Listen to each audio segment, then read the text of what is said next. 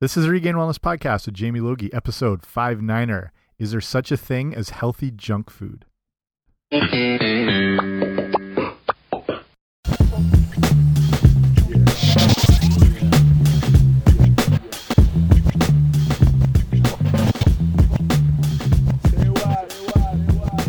guys, what's happening? Welcome back to the podcast. I'm Jamie Logie. I run regainedwellness.com and this is the Regained Wellness Podcast. And thank you so much for joining me here today. And an appropriate day. Well, actually, today is September 30th, I believe, and is actually podcast day, if you can believe it or not. And sounds like another holiday made up by like the card companies to bridge the gap in between uh like two other big holidays. So I was picturing something like it's something out of like the Great Pumpkin Charlie Brown, where a giant iPhone rises up and provides tons of downloads to all the podcasters out there. But um, so appropriate that I'm recording this today, and then this will be out on I believe October first, a Thursday. So a very happy podcast day to you and yours, and I hope the podcast fairy brings you everything that you hope for. But today we're talking about kind of the with the big name brand companies and you start seeing this with things like especially McDonald's I've noticed that they're trying to make a move towards healthier food options and they're seeing more of like the real food movement and companies seem to be sort of scrambling to provide healthy options and stuff and I want like kind of the focus on this was based around some products that were out by Pepsi and Coke and they've brought out, you know, lower sugar, lower calorie, less artificial sweetener brands of their drinks of Coke and Pepsi. So it's just the idea with this podcast is looking into this issue and is can any of these sort of junk foods or treats be actually okay every now and then? Are they actually making strides? What's the whole deal? So kind of looking into this whole issue, which I find very interesting. Um, and it means that there is a movement towards better health and wellness when these companies who've never had any interest in provide, providing anything even remotely healthy are starting to do it. So it's encouraging from a consumer standpoint that there is this better move towards it. So let's just dive on into this whole topic.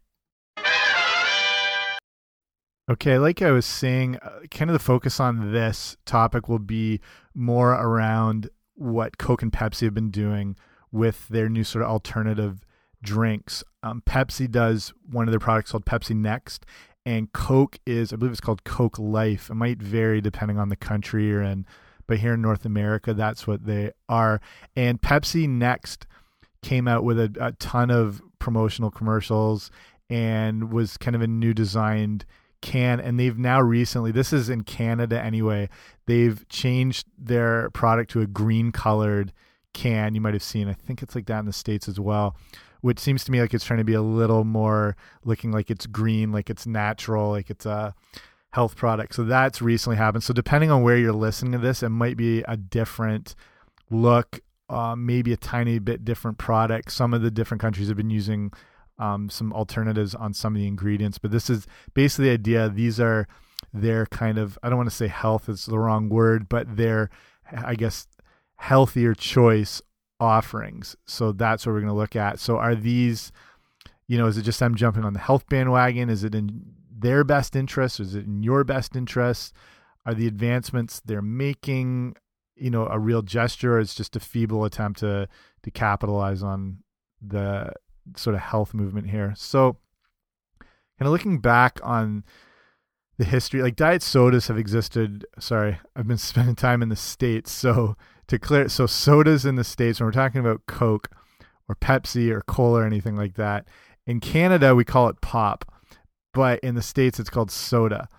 And yeah, just to clear it up I've, I've kind of gotten used to not saying the word pop. I think actually people in michigan say pop as well and go wolverines or spartans wherever you are. And it's it's come from that same idea that soda pop as a, an original drink had a um, this is way back like when they for like turn of the centuries type of thing where they the original bottles had a kind of like a, a, widget type ball that submerged into the drink giving it like the carbonation. And that pop sound was what kind of gave it the name soda pop. And soda because the original formulas were basically just a syrup and then they used soda water, so like carbonated water, to mix it in together. So when they combined it, the name soda pop just caught on, and then for some reason in Canada we started calling it pop, and in the states they kept it on with soda. So I'll probably just say like cola now to clear up any confusion, just in case.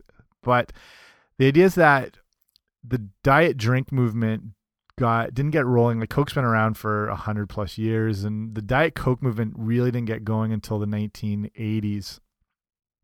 And there's that's more when a time where you know a sugar-free version of soft drinks were really desired and really popular. And the issue now is we're really becoming more aware and especially health conscious people and with more information being shared and more access to more information people are learning not only about the dangers of sugar, but the negative effects of things like aspartame and artificial sweeteners. And I did a whole podcast episode on that. It's one of the mo most interesting topics, I think, is the whole artificial sweetener issue, especially aspartame.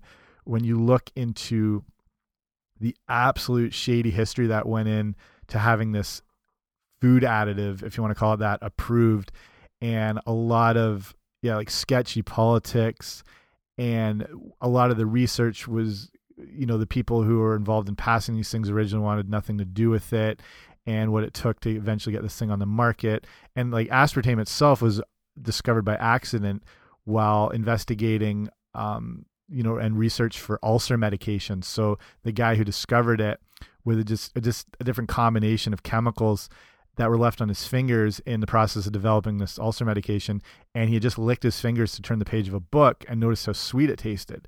And that sort of kicked off the whole thing. But some pretty horrific side effects that come with aspartame. I totally recommend listening to that episode because it just break down the whole issue really good. Basically, you'll never want to drink a diet cola after listening to that. But over the years, so Diet Coke was one of the big um, first introductions into like low calorie, no sugar drinks. That was I think around 1983 is when it really started to take off. And Coke and Pepsi have offered a bunch of different alternatives to the straight up versions of not just Diet Coke and Diet Pepsi over the years. So there's been again depending on where you've lived, things like Coca-Cola Light, there was Diet Coke with Splenda, there's Diet Coke Plus, Coke Zero is really big, there's Pepsi Raw, Pepsi Edge, Pepsi Jazz, Pepsi Light, Diet Pepsi Max with ginseng. I don't know if you remember that. The high powered Diet Pepsi Max, Pepsi One, Pepsi Free. That was in Back to the Future. That wasn't a real one, but it should have been. And uh, Pepsi Perfect. That's another Back to the Future shout out. But basically, a lot of different alternatives to the straight up versions of Diet Coke and Diet Pepsi.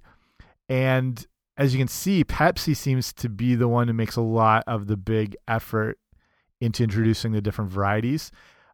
And I, I don't know if it's come because Coke has dominated the market as far as soft drinks. And I mean, it's just synonymous with if you're referring to a sugary dark cola, you just say Coke, you know, like the same way you'd say Kleenex for a tissue just, or Band Aid. It's a brand name that's just been associated with that product. So Pepsi's always been trying to play catch up. And I think there was periods in the 80s or 70s where they had cornered in on the market a little bit more, but Coke has always been one of the big ones. There was Crystal Pepsi, one of the greatest products of all time, if anyone remembers Crystal Pepsi. But Pepsi did take one of these new jumps again with this Pepsi Next product. And it was one of the first things trying to move away from more harmful ingredients and cater to that more health conscious consumer. Like I said, more people aware of really aware of the issues of sugar. If you look at the whole thing um, with Mayor Bloomberg in New York and wanting to remove and eliminate all large size sodas and sugar based drinks, and that has really been um, pushed ahead. And I work, I mentioned I work at a kids sports summer camp in northern Connecticut, and as one of the things they did as well with these camps are huge. There's tons of tons of kids, so there's a lot of buildings, and they have you know they'd have soda machines, Coke machines, and whatever. And that's something that the camp took out was to remove just that extra offering of sugar-based beverages that are not needed whatsoever. So with the removal of the harmful ingredients, the so an example of Pepsi Next, and I think it's the same with Coke Life. the new drink it removes high fructose corn syrup, and high fructose corn syrup has been, and, and all good reasoning, really attacked, really exposed as a dangerous, dangerous thing. High fructose corn syrup just plays absolute havoc with your liver and your body's ability to get rid of it, and it can lead to things like we call fatty liver disease, um, real issues. And this stuff is just like a chemical toxic compound, which really has no place in the human body. So the with in the case of Pepsi Next, they've replaced the high fructose corn syrup with sugar, just straight sugar, and ultimately created a drink that has 60% less sugar overall. Then also interestingly, they removed the aspartame and replaced it with stevia. And stevia is something I've covered as well that's showing a lot of promise as a healthier alternative to artificial sweeteners and comes from the stevia plant, which actually can provide some good health benefits, primarily when you get it more in the raw form. So you can buy stevia in you know little packets and if anyone's watched breaking bad you remember the lydia stevia issue incidents which we won't go into there. I'll save that for another show. And if you haven't watched Breaking Bad by now, I, you've missed the boat. So yeah, Walt dies. That's basically what happens. You missed the boat. Time to get on it. And I'm, I'm not sorry to admit that. It's been years. So that is one of the like corner points of the show. And stevia is something not a lot of people are familiar with.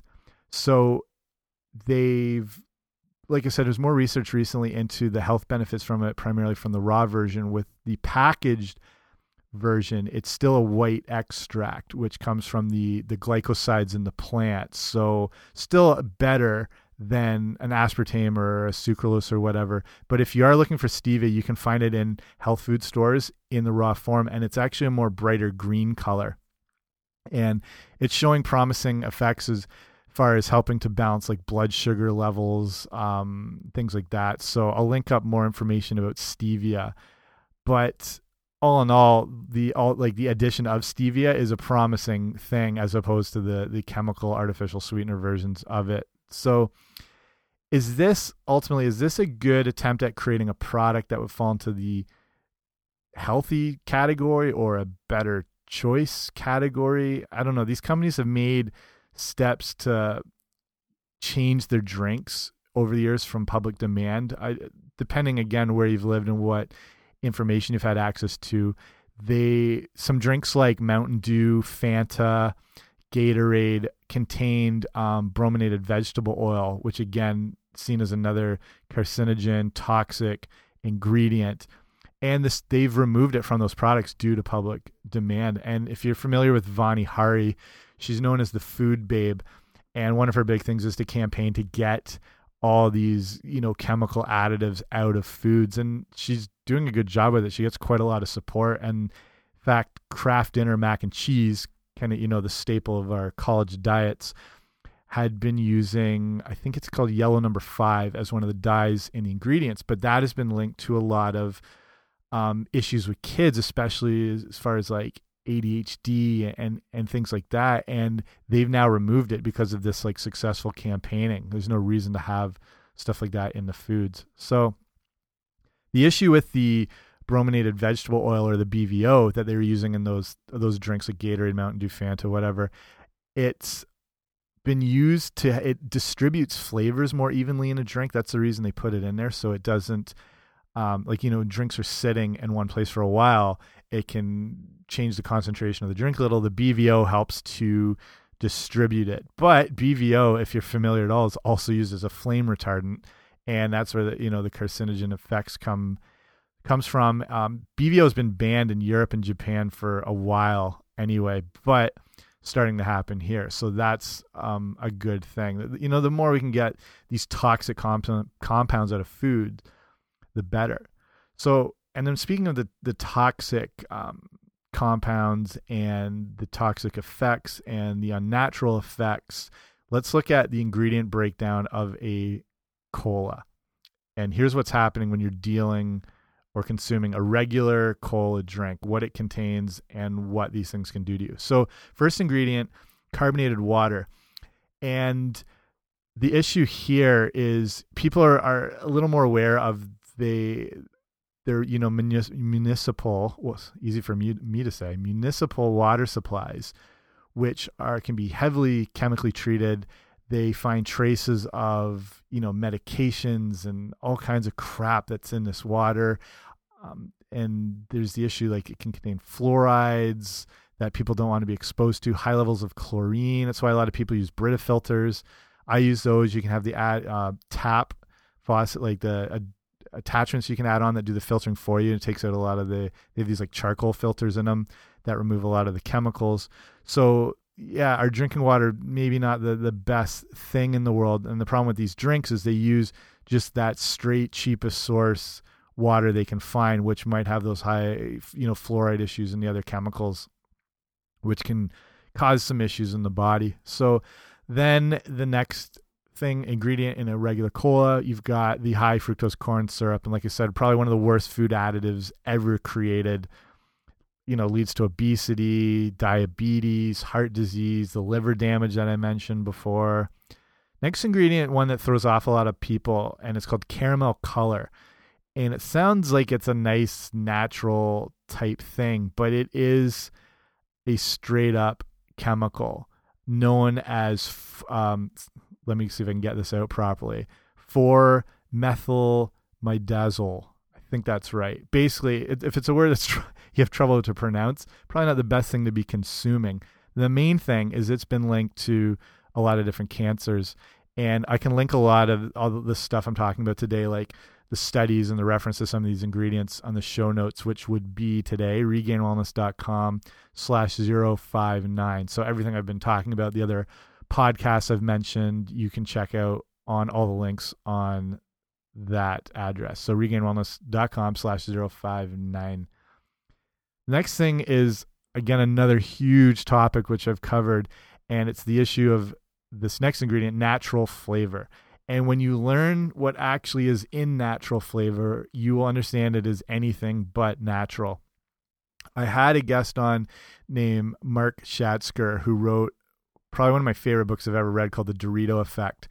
And I had him on the podcast talking about a lot of these issues with these natural flavors, artificial flavors, how the flavorings in food is actually what makes us crave the food because um, even a lot of naturally grown things have been so kind of you know watered down by mass growing over the years that they're kind of devoid of flavor so they add in these different flavors and that's now what you're associating with these things and he talks about it starts that's why it's called the Dorito effect because the book talks about how originally Doritos were just this kind of corn chip that had a whatever cornish type flavor to it and the whoever is in charge of developing Doritos and producing whatever they wanted to make them taste more like a taco. So that's where they created the flavorings with Doritos that you can now taste today and it kind of kicked off a big movement into the food additives and food flavorings which is you know tricking your brain into associating that flavor with that food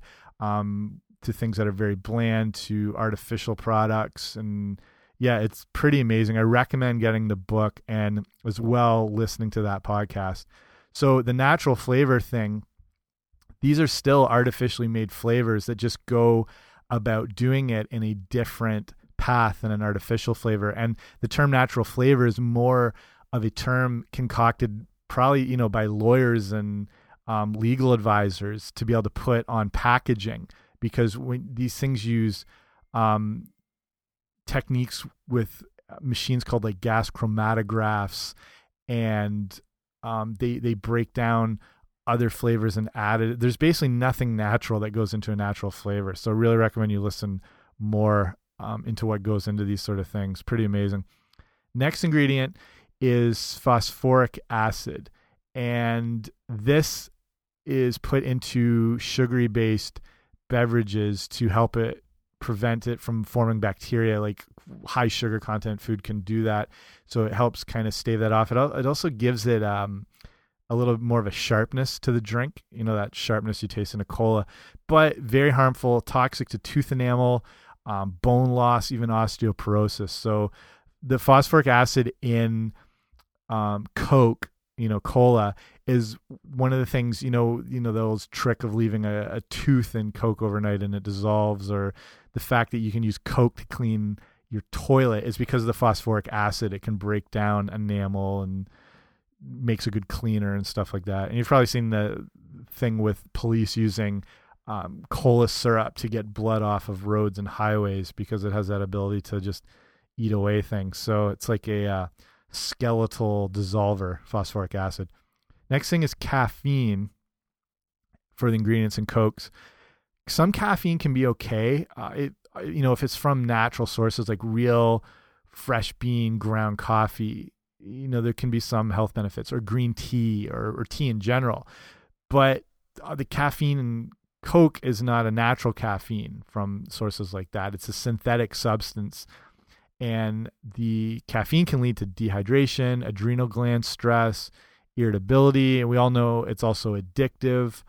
So, bad combination right there. And the last ingredient in Cokes is sodium citrate. And this is something that can be prescribed by doctors and can elevate sodium. Obviously, it can cause muscle spasms. It can also lead to dehydration from increased thirst.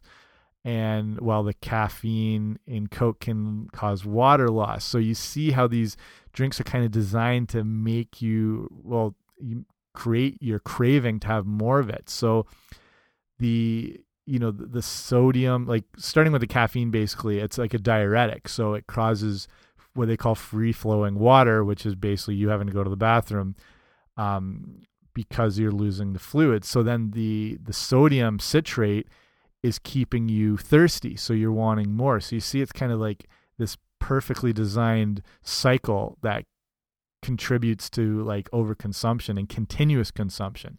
So whenever you're eating something packaged or processed, there's so much research and so much science that goes into creating these things that you want more and more of and that you basically never feel satisfied off of. And none of this is an accident. So, you know, that's the main reason to avoid anything that comes out of a box or a package right there. So that's the basic breakdown of the ingredients from Coke. And like I said, ingredients can vary by country, but that's the the basic rundown right there. Okay, so obviously the idea to eliminate or drastically reduce sugar consumption, especially through drinks and sodas and fruit juices and sports drinks or whatever, is one of the best things you can do for your health. Um, so talking about these type products, what are they actually like? You might have tried them, you might not have everyone though I think at some point has consumed a cola beverage. It's part of the fabric of our culture, really. You know, especially with Coke. Um, huge cultural, economic, social impact from this brown, sugary, bubbly beverage is really fascinating. Um, like I've traveled all over the world, and Coke is everywhere you go. I've been in little islands off the coast of Brazil that don't even have electricity or anything and you know people are living in like their own made huts and there's coke signs still somehow on these islands. It's unbelievable the reach that this brand specifically has had all around. There's a really awesome book i read. I think it's called six what was it six beverages that changed the world or something like that. And it's talking about the the the amazing influence that beverages have in the history of mankind. And it traces back things like wine and how important wine was in shaping societies and cultures beer especially. Um, the idea that a lot there's this new these new theories that we have modern civilizations because of beer. And the first thought was that it was because of agriculture and bread but there's now thinking that bread was a byproduct a leftover product of beer production and beer was the primary reason for growing a lot of crops. And that's why you know communities started up because they were based around raising and growing and cultivating um, wheat to make beer and then the beer spread between the different areas and the people who had controlled you know and basically a lot of you know the the hierarchy of civilization is because of the people who owned and consumed and had control of a lot of the resources that went behind making beer or wine or whatever. And then it talks about how big coffee was. Um, same thing with tea and you know tea plantations and how that dictated a lot of um, history and culture. and also talks about whiskey and and rum and those two being big as far as sugarcane production and the use of the islands and the spread of the Americas and then cola is the other one right up there as well when it's talking about those core beverages that really shaped a lot of our civilization and society. So if you I'll try and find a link for that book, really cool. So what does this taste like? So I've actually tried them, just wanted to see um the Pepsi Next honestly taste really similar to normal Pepsi to me. It was maybe a bit lighter um, and a bit of an aftertaste, which I assume comes from the stevia, because stevia has this kind of almost like licoricey aftertaste if you tried it before, especially the synthetic versions of stevia. Um, so I just noticed a bit of that aftertaste. So to me, it'd be somewhere between these drinks, the Coke Life and the Pepsi Next, somewhere in between a diet and a regular as far as consistency. Like they didn't feel very syrupy to me. Like I've I've drank a lot of Coke from back in the day, um, and now I, I honestly only drink water. I'll drink um, carbonated water like San Pellegrino or Perrier's. Uh, I, so I just I don't drink a lot of heavy type things. So to go from like a San Pellegrino to a Coke, it's like drinking like like syrup. That's the only way I can describe it. So these drinks have, like I said, not as a syrupy feel. I don't know if that's the the best uh, description of it, but honestly, hard to really notice a huge, huge taste. So the issue though is it still has sugar and it still has caffeine. Um, so in my case, I don't drink coffee. I don't I don't even drink tea, and I grew up in England, so I'm a freak to everyone over there and to my mom who's English. And I don't know something. Maybe I just don't necessarily like hot beverages. And sometimes I'll, I'll I'll make iced tea out of green tea. So like I'll just steep like really good organic green tea, um, and then add in you know add it to ice and then add in some fresh squeezed lemon. That's all right. So, but honestly, because I don't drink a lot of those things, stimulants don't like caffeine and whatever, they don't really sit well with me. So even though these drinks have what they say 60% less sugar, I still felt like my blood sugar was raised pretty high and mixed with the caffeine, I still felt like I was drinking a full on cola. So I felt kind of wired off it and I have trouble focusing and I don't know, that's just how stimulants react to me. So I don't think you know in my, in my case like that quick introduction of it from not drinking things like that for a while it was not going to make me feel too amazing no matter what. But if you regularly consume just say regular Coke or Pepsi, um, you would probably notice a difference and might be something good to start you know weaning yourself off it and eventually make the move away from you know full on coke into something like this. And then to you know like i said to start introducing that carbonated water. A lot of what obviously you crave sugar caffeine, whatever goes into those colas, but a lot of it as well is that carbonated bubble sensation. A lot of people like, and that's one of their big reasons for drinking sodas, whether it's Sprite or root beer or whatever. So start adding in if you've had a real problem drinking a lot of Coke and Pepsi or whatever. Start doing things like this. Like start weaning yourself off it, and you know you can make the transition into like one of these different drinks, like Pepsi Next or Coke Life or whatever. But then also do this: take just normal carbonated water and then mix. So have half that and half Coke and mix that together. And then eventually start, you see what I'm saying? You start to kind of dilute the Coke down a bit and add in more of the carbonated water. So you still get that like bubbly refreshment from it. And you can kind of taper yourself off it. Um, so it's a good tip. And then eventually, you know, hopefully go straight into just, you know, carbonated water or, you know, plain water ideally. But with some of these other sparkling waters, you know, you do get some minerals and stuff like that from them. So they're pretty good ultimately the whole idea with this is making the healthiest decisions possible. So, you know, I would never recommend for anyone to choose sugar-based beverages, but in you know, in the case between choosing one of these newer type products and the full sugar alternative, of course that will be the better choice is to take the lower sugar option, but it's I have to stress by far not the best choice overall. You know what I mean? So, and I think that's what's important to remember. With most nutrition decisions, you need to look at what is the best choice in the circumstances. Um, if it's like, you know, if you're at an all you can eat buffet, what are the best choices you can make there? You're limited into what you can have um, as far as you know the quality of everything, but what's the best you can get from there? If it's like you know a business thing or work or family function or whatever, what's the best choice you can make in that environment? So, like, say, with your at the buffet, stick to the meats and the proteins and the salads and stuff like that. So, say you're at an Italian restaurant, and so I, have worked in a lot of restaurants. I've worked in Italian restaurants. I've worked in Thai restaurants. Yeah, I've seen it all. Every restaurant is going to have its best choices. You just got to be more aware of it. So, say in the issue of an Italian restaurant, you don't want the carb overload. Again, go with salads. Every restaurant in the world is going to serve salad, and especially Italian ones.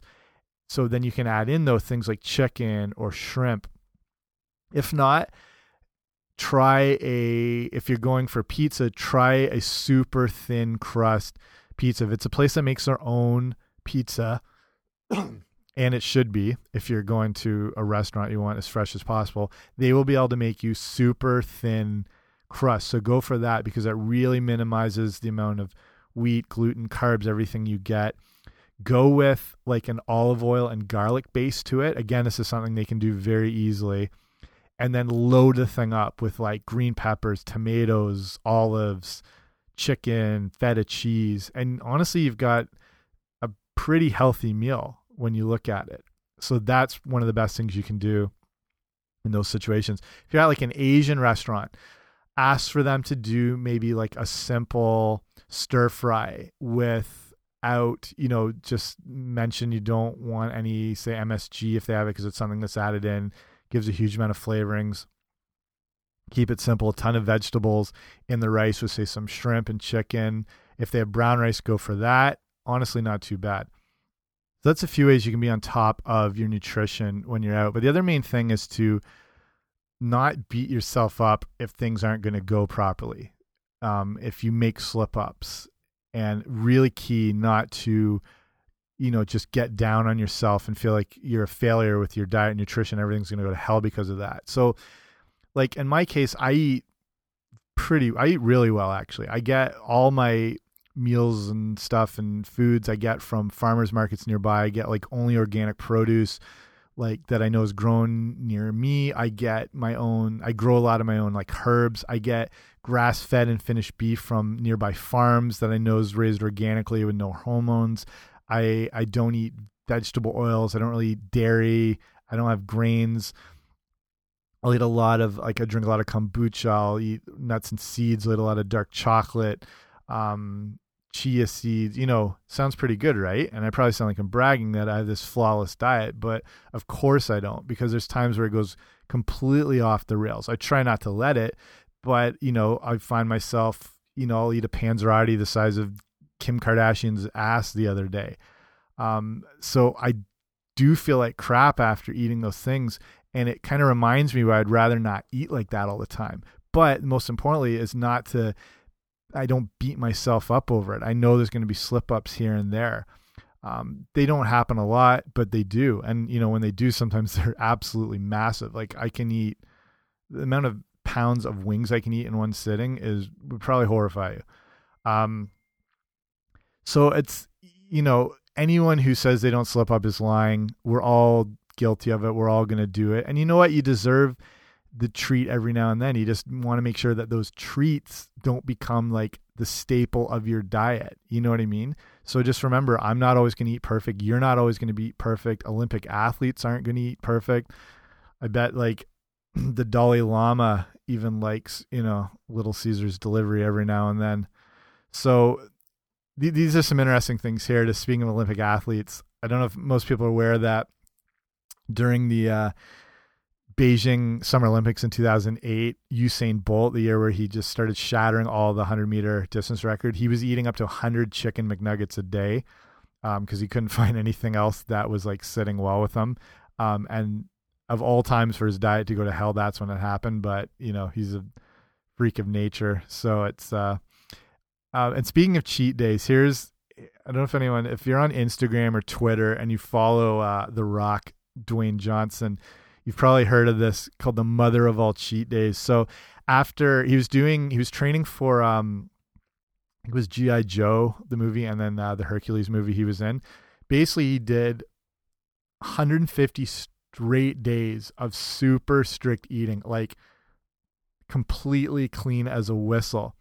Um, on that 100, 151st day, he finally snapped.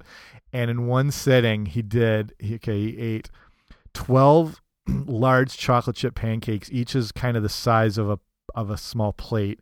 He had four large double dough pizzas. He had a liter and a half of chocolate milk and then 21 peanut butter brownies in one sitting.